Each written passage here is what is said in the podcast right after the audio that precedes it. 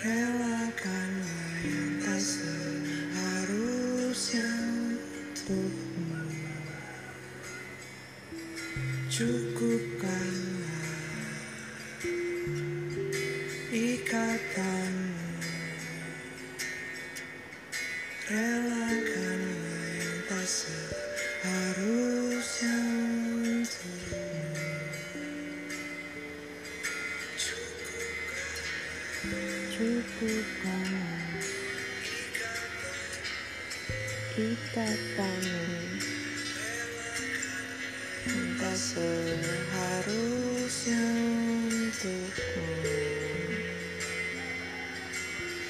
Yang sebaiknya kau jaga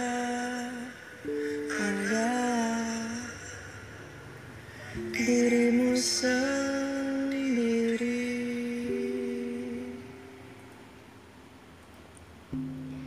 Hai Rumpis Sendu, cerita apa aja, ngomongin apa aja, sama siapa, di mana dan kapan pun, yang penting rumpi, tapi sendu. Biar syahdu nggak kalah sama malam minggu. Apa pun itu, aku sayang kamu. Selamat malam minggu sayang. Eh, mulai berani kamu ya panggil aku sayang. Topik kita malam ini masih membahas people pleaser dan lagu yang tadi aku putar itu sambil duet sama Kunto Aji tipis-tipis itu adalah lagu yang pas banget buat menyemangati orang-orang yang selalu menjaga hati orang lain tanpa mementingkan diri sendiri padahal yang mesti kau jaga adalah iya dirimu sendiri 100 buat kamu hadiah disponsori oleh sabun Lux, kopi kapal api, dan rokok jarum serenceng Nah dari kemarin-kemarin kita udah membahas apa itu people pleaser ya Terus apa dampak dari people pleaser, terus ciri-ciri sikap dari people pleaser, dan juga cerita dari temen kita yang punya pengalaman soal itu. Ya, terima kasih Ayam. Hari ini kita mau obrolin soal apakah people pleaser sebuah penyakit. Kalau menurut kamu gimana nih? Penyakit bukan sih? Jadi ya, uh, aku baca di Tirto ID kalau people pleaser itu merupakan pola perilaku yang berasal dari kebutuhan yang berlebihan untuk disukai atau diterima sama orang lain. Mereka cenderung melakukan kebaikan-kebaikan secara ekstrim. Mereka berusaha selalu ada untuk anggota keluarga ataupun teman gitu. Mungkin hal tersebut terdengar baik, tapi sayangnya ini bisa menjadi pola perilaku yang sangat tidak sehat. Karena dengan pola perilaku yang seperti itu secara terus-menerus, seorang people pleaser bisa mengalami kerugian dalam berbagai aspek, mulai dari kesehatan fisik hingga masalah mental gitu. Terus aku baca uh, di artikel-artikel lain juga rata-rata sama people pleaser bukan penyakit khusus gitu, cuma merugikan dan bisa berdampak buruk bagi kehidupan seorang people pleaser itu sendiri dan lingkungannya juga. Karena kalau ada orang yang people pleaser gitu ya, orang-orang di sekitarnya ternyata jadi bergantung sama dia. Nah, dari sikap ketergantungan orang-orang di sekitarnya ini, seorang people pleaser semakin gak bisa menolak keinginan orang lain. Jadi kayak semakin tertekan gitu. Akhirnya ya makin iya-iya aja sama semua keinginan dan kebutuhan orang. Kalau udah begini kan jadi stres dong ya. Kita lagi, kita lagi capek, lesu, lemah, haus, lapar, ditanggung sendirian. Apalagi kayak dulu temanku pernah tuh. Dia kan pinter ya, udah pinter baik lagi. Nah, tiap ada tugas tuh dia kerjain sendiri kan terus pas selesai dia contekin ke satu kelas pertama mah pertama-tama mah ya kepepet gitu alasannya makanya dia contekin lama-lama jadi kebutuhan jadi kebiasaan anak-anak sekelas buat leha-leha dan dia yang sibuk mikir yang lain bantu doa aja gitu. Eh nggak berhenti di situ aja kan. Orang orang dia baik nggak ngelawan nggak nolak. Akhirnya tiap ujian uh, suka pada nyontek juga tuh sama dia. Bahkan pas ujian itu bukan cuma anak-anak sekelas doang tapi teman-teman kelas yang lain juga. Pokoknya mah tinggal panggil aja namanya dia terus dia bakal datang bawa keajaiban gitu berupa contekan dia kemungkinan jenuh dong ya. Nih orang-orang kok hidupnya enak bener gitu. Kita yang repot dia yang pada nilai dia dia yang pada dapat nilai cakep gitu kan. Tapi ya gitu orang kalau udah keseringan baik kalau ngelawan emang pada dengerin. Paling juga ngetawain kan. Paling juga pada bilang lah bisa marah juga dia gitu. Kayak ngeledek ngeledek nggak jelas gitu. Coba kalau orang yang udah sering marah-marah pasti diledekin juga tapi di belakang kecenderungan manusia kan berani sama orang-orang yang terlihat diam dan baik ya. Coba kalau sama yang vokal gitu yang rusuh pasti beraninya di belakang doang. Terus ya manusia tuh kan kadang gitu ya suka protes tapi pas bergerombol aja pas maju sendiri-sendiri tuh langsung pura-pura lupa ingatan. Kayak di film Jakarta Maghrib tuh bikinan Salman Aristo. Pas adegan orang-orang di komplek ngumpul lagi ngobrolin soal pengen protes apa gitu ya uh, kalau nggak salah soal tetangga mereka yang punya PH tapi sering bikin kegaduhan gitu. Lancar tuh pas ngerumpi. Eh tapi begitu salah satu tetangga yang kebetulan kebetulan kebetulan profesinya sebagai wartawan ngajakin action gitu pada banyak alasan bilang takut disangka kolot lah terus ngejauh sambil bilang ah bukan urusan saya kayak gitu-gitu. Padahal mah tadi lancar banget gitu kan pas ngegibah oke kita lanjut bahas people pleaser aja ya. Kadang emang suka ngelantur aku tuh. Aku tuh pas baca-baca soal people pleaser nih ya penasaran gitu sebenarnya apa sih yang bikin seseorang bisa jadi people pleaser? Nah ada satu teman baikku yang kebetulan dulunya adalah seorang people pleaser akut. Aku bilang akut karena dia terjebak dengan sikap ini selama bertahun-tahun bahkan belasan tahun gitu. Sampai banyak banget yang membuatnya hancur sedih terpuruk putus asa. Nah sobat rumpi kita ini cie sobat rumpi. Eh jangan deh sobat sendu senang duit. Nah jadi uh, dia nih ceritanya kalau dari pengalaman pribadinya ini dia nggak sengaja jadi people pleaser. Setelah banyak jatuh bangun masalah hidup yang dia hadapi tanpa sadar dia menjadi orang yang selalu baik pada orang lain. Jadi orang yang selalu mengutamakan orang lain dulu baru dirinya sendiri gitu. Dan dia bilang kalau trauma masa kecil lah yang membuat dia seperti itu. Jadi dia punya masa kecil yang merasa sering ditolak diabaikan. Jadinya selalu pengen diterima dan dia mikir kalau dia bisa diterima itu berarti harus nyenengin orang lain gitu awalnya. Sampai lama kelamaan dia jadi bangga banget setiap abis nyenengin orang lain walau efek negatif dari perasaan itu justru lebih berat buat dia. Kayak ngerasa ada beban kan merasa lebih capek lebih sesak juga dong pastinya ya. Terus semakin dewasa dia mikir nih tiap disuruh-suruh atau halusnya mah dimintain tolong secara terus-terusan gitu ya sama orang. Dia mikir ah kan ini nggak bisa aku harusnya ngelakuin yang itu dulu bukan yang ini gitu. Eh tapi cuma bisa uh, dia bilang dalam hati gitu. Nggak berani nolak nggak bisa nolak jadi ngebohongin kata hati sendiri. Tahu banget dia kalau itu salah tahu banget dirinya nggak perlu melakukan itu. Tapi nggak pernah bisa gitu dia buat nolaknya karena dia mikir entar uh, orang itu gimana? Ntar orang itu sakit hati nggak sama dia? gitu. Terus dia ngerasa kasihan sama orang itu. Akhirnya dia mutusin buat yang ya udahlah aku kan bisa nanti nanti hitung-hitung beramal Bismillah ntar Allah yang bales kok gitu. Nah penguatan-penguatan ini yang bikin dia nih bertahan kan di keterpurukan yang keterpurukan yang sama gitu. Jadi kayak penguatan palsu. Kelihatannya iya kuat padahal semakin dibuka semakin hancur.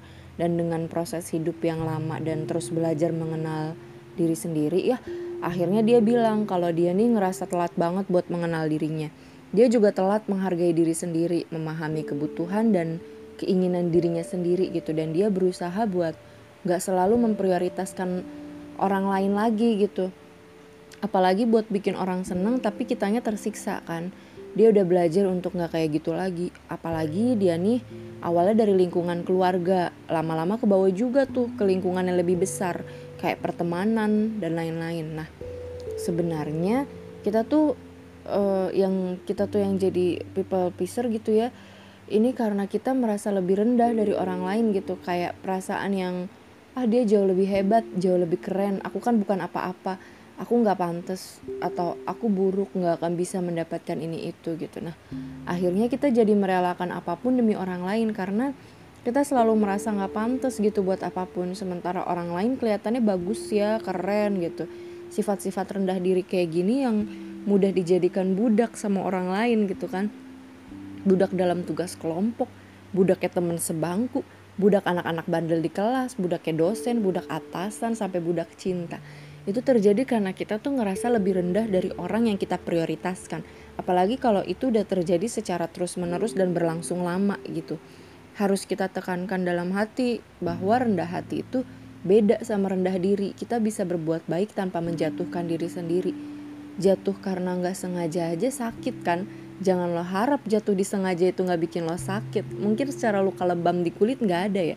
Tapi secara luka lebam di dalam diri lo kan siapa yang tahu kan? Sesuatu yang nggak kelihatan belum tentu nggak ada. Eh iya aku uh, juga ada cerita nih. Jadi sebenarnya tuh kita bisa menolak permintaan orang lain gitu. Aku juga dulu pernah mengalami hal kayak gini kan kayak disuruh-suruh dibudakin lah gitu sama orang. Karena aku tipe orang yang diem jadi banyak banyak yang ngelunjak gitu kan. Nah suatu hari aku nolak dong permintaan orang yang kerjaannya tuh minta tolong mulu. Ternyata bisa loh semua orang tuh pada dasarnya cuma coba-coba meraba-raba kesanggupan orang lain gitu. Ketika kita tolak ya awalnya galakan dia sih. Tapi kalau kita juga mau bergerak gitu mau berubah jadi orang yang gak ditekan terus ya kita juga bisa lebih galak dari dia asal kita punya kendali. Awalnya tolak secara halus nih terus tegasin dikit. Nah kalau dia makin songong langsung aja kayak bilang kaki tangan lu ke mana? Dijual sampai nggak bisa lu gunain buat kebutuhan lu sendiri gitu kan. Atau apa kayak yang lebih wow gitu. Meskipun aku nggak ngomong gitu ya. Tapi kalau udah berani ngebantah kayak gitu tuh yakin deh orang yang nggak biasa ngomong pas lagi marah pasti gemeteran. Aku juga gitu uh, gemeteran badan berasa dingin gitu sampai beberapa menit. Tapi kan intinya mah cuma kita yang bisa nolongin diri sendiri gitu kan. Apalagi buat orang yang biasa dibudakin ya Allah. Lepas dari pembudakan teman satu pindah ke pembudakan teman yang lain gitu. Jadi budak bergilir.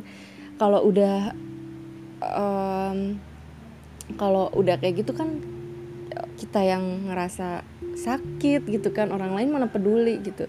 Kalau aku dulu karena takut kan jadi um, jadi pas buat ngebantah gitu ya buat ngelawan orang itu langkah awal adalah aku melawan ketakutannya dulu gitu. Aku yakinin dalam hati kalau aku bisa lebih kuat dari dia karena buktinya dia minta tolong terus sama aku. Berarti kan aku lebih berdaya dong eh nah setelah itu jelas dong selain marah dia bergosip bilang ke teman-teman yang lain kalau aku pelit dan sebagainya. Tapi ya itu resiko.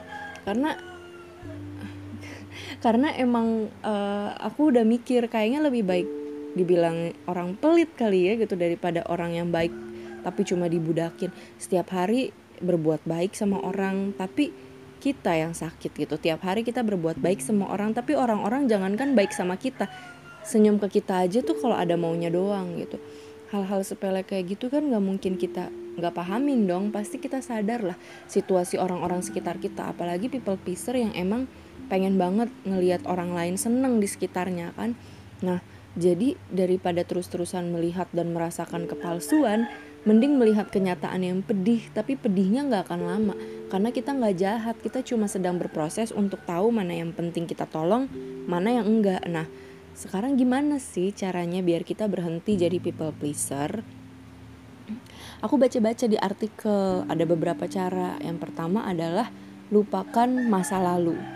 Karena uh, hampir sebagian besar yang menjadi people pleaser ini adalah orang-orang yang memiliki trauma masa lalu dari penindasan ataupun tindakan bullying atau seperti yang temen aku ceritakan masa lalunya yang susah sekali diterima di lingkungannya gitu karena perasaan takut diterima ini yang akhirnya jadi bikin kita wajib e, merasa wajib untuk menyenangkan hati orang lain. Ini agak sulit sih karena ya Allah ayam karena e, sangat susah melupakan masa lalu yang buruk. Apalagi itu udah jadi trauma kan lepas dari ketakutan itu bukan soal sehari dua hari kan tapi butuh proses yang panjang. Dan ketakutan itu bisa kembali terulang meski kita merasa udah baik-baik aja. Uh, di sini aku rasa kita butuh orang lain ya gitu. Mungkin orang yang kita percaya orang yang kita yakinin dia bisa uh, bisa ada buat kita gitu. Nggak nggak ngomong yang justru menjatuhkan kita gitu. Atau kita juga butuh psikolog gitu nanti ketika kita udah berdamai dengan itu semua kita udah bisa menerima masa lalu yang buruk menjadi sesuatu yang lucu atau berharga gitu ada kemungkinan oh, kemungkinan yang besar gitu malah kita bisa berhenti jadi people pleaser. Karena ketika kita bisa menerima diri sendiri berarti kita mampu juga untuk menyayangi diri sendiri.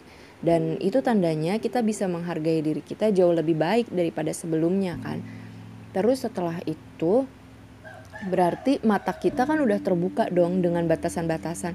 Mana yang seharusnya diambil mana yang enggak. Dan kita jadi bisa mengambil tindakan secara sehat kan. Nah baru deh kita menjaga keseimbangan dalam hubungan sosial. Kalau aku baca di hellosehat.com ditulis tuh bahwa seorang people pleaser itu menguasai ruang sosial seorang diri. Karena ketika kita selalu berusaha menyenangkan orang lain sekeras mungkin, orang lain itu jadi tampak pengangguran. jadi kita harus seimbang, perlu menjadi orang yang mandiri. Hmm, tapi nggak egois gitu. Kita butuh orang lain untuk mengisi ruang-ruang kolaborasi atau ruang khusus kontribusi dari orang lain gitu supaya nggak susah sendiri kan, supaya kerasa kehidupan sosialnya gitu. Tapi kadang kita nggak percaya ya sama orang lain takut orang lain malah ngerusak gitu nah perlu diadakan diskusi tuh. Kalau orang itu bisa diajak diskusi ya lanjut. Tapi kalau enggak ya udah mundur aja pelan-pelan. Terus selanjutnya kita perlu memahami situasi dan kondisi. Di sini menarik nih dibilangnya kebiasaan menjadi people pleaser justru mempermudah niatan jahat orang lain terhadap diri kita. Persis kayak pesannya Bang Napi kejahatan itu terjadi karena ada kesempatan. Eh iya gak sih ya pokoknya gitulah. Nah jadi kita harus peka pada situasi dan kondisi. Orang minta tolong ke kita beneran apa cuma mau manfaatin kita? Kalau emang aneh nih orang kayaknya nggak beres deh. Tolak aja gitu. Lagi pula lebih baik menolak di awal daripada di akhir kan. Karena susah kalau udah kebiasaan gak ditolak kan jadi keenakan kita yang repot. Atau bisa juga nih hari ini kita tolongin dia besok enggak suruh dia cari pertolongan yang lain. Besoknya lagi tolongin deh. Nah besoknya lagi enggak jadi selang-seling gitu supaya dia tuh nggak pada ketergantungan. Jadi ada jarak gitu. Intinya tuh jangan bikin orang keenakan deh gitu kalau kalau keenakan soalnya kan susah lepas. Terus inget baik-baik kalau kalau perlu dicatat gitu di semua anggota tubuh. Menolak bukan berarti jahat. Karena people pleaser selalu takut dibilang jahat karena takut nyakitin orang kan. Nah jangan lupa kalau udah nolak nih nggak usah minta maaf berlebih gitu. Biasa aja apalagi kalau kita nggak ada salah ya kan. Berhentilah meminta maaf. Kalau kata ibu aku tuh permintaan maaf yang paling maaf adalah ketika kita nggak minta maaf pakai kata-kata tapi pakai perbuatan. Nah kalau people pleaser gimana salah juga enggak ngapain minta maaf kan? Yuk ah perlahan-lahan kita belajar untuk berhenti keseringan meminta maaf terlebih bukan kesalahan kita. Semangat. Terus nih jangan lupa untuk membuat batasan kebaikan gitu. Kebaikan itu mungkin gak ada batasnya ya tapi sejauh mana orang-orang boleh mendapatkan kebaikan kita itu uh, bisa kita bikin batasannya gitu. Kayak uh, waktu misal ada yang minta tolong temenin ke pesta gitu. Nah kita kasih tahu aja kalau jam segini kita nggak bisa datang eh terus dia masih tetap ayo dong please tolongin gitu. Ya udah kita bilang e, aku bisa temenin asal ini ini ini gitu. Atau aku bisa temenin tapi kalau pulangnya terlalu larut aku nggak bisa. Ya kayak gitu gitulah gitu. Pokoknya komunikasi gitu. Jangan sampai kita iya iya aja. Terus terakhir jangan terlalu dipikirin. Ini penyakit kan? Terlalu memikirkan segalanya yang gak terlalu penting sampai lupa sama yang penting gitu. Karena katanya overthinking ini bisa memperparah kebiasaan menjadi people pleaser. Kita harus mulai berpikir secara rasional nih katanya sambil mulai berani menolak sesuatu yang gak bisa kita lakukan. Eh tapi dulu aku pernah loh uh, jadi ada temen yang minjem duit ke aku kan katanya buat orang tuanya yang sakit. Loh asli aku bingung kan karena kita nggak sekelas nggak terlalu deket juga. Terus kok tiba-tiba minjem duitnya ke aku gitu sementara teman-temannya banyak yang kaya juga kok gitu kan. Uh, atau ya lebih ke teman-temannya kan dia banyak gitu teman deket. Kenapa minjemnya ke orang yang nggak terlalu deket gitu sama dia. Dulu kan mikirnya aku gitu ya. Terus uh, aku tolak dong karena gak ada juga sih duit sebanyak yang dia minta itu gitu. Berapa gitu lupa. Tapi bisa aja kan aku paksain kasih ke dia dengan cara minjem duit ke ibu aku gitu. Tapi aku milih buat ah nggak usah deh nggak usah dikasih. Karena uh, kalau nggak salah kondisinya juga dikit lagi mau lulus gitu jadi ribet. Dan aku lagi takut-takutnya juga buat minjemin duit ke orang kan karena takut ditipu. Waktu itu tuh di sekitarku lagi banyak penipuan gitu oleh teman sendiri gitu dia cerita-cerita. Dia ditipu sama temen dia ini kayak gitu-gitu kan. Uh, dan dia ini kan nggak deket cowok lagi.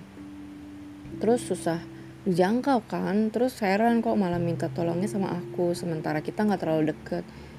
Itu lagi yang dibahas eh tapi beberapa lama kemudian ternyata iya loh dia dia nggak bohong gitu. Entah dia minjem ke siapa pokoknya aku nggak nggak berani nanya kan karena nggak enak gitu.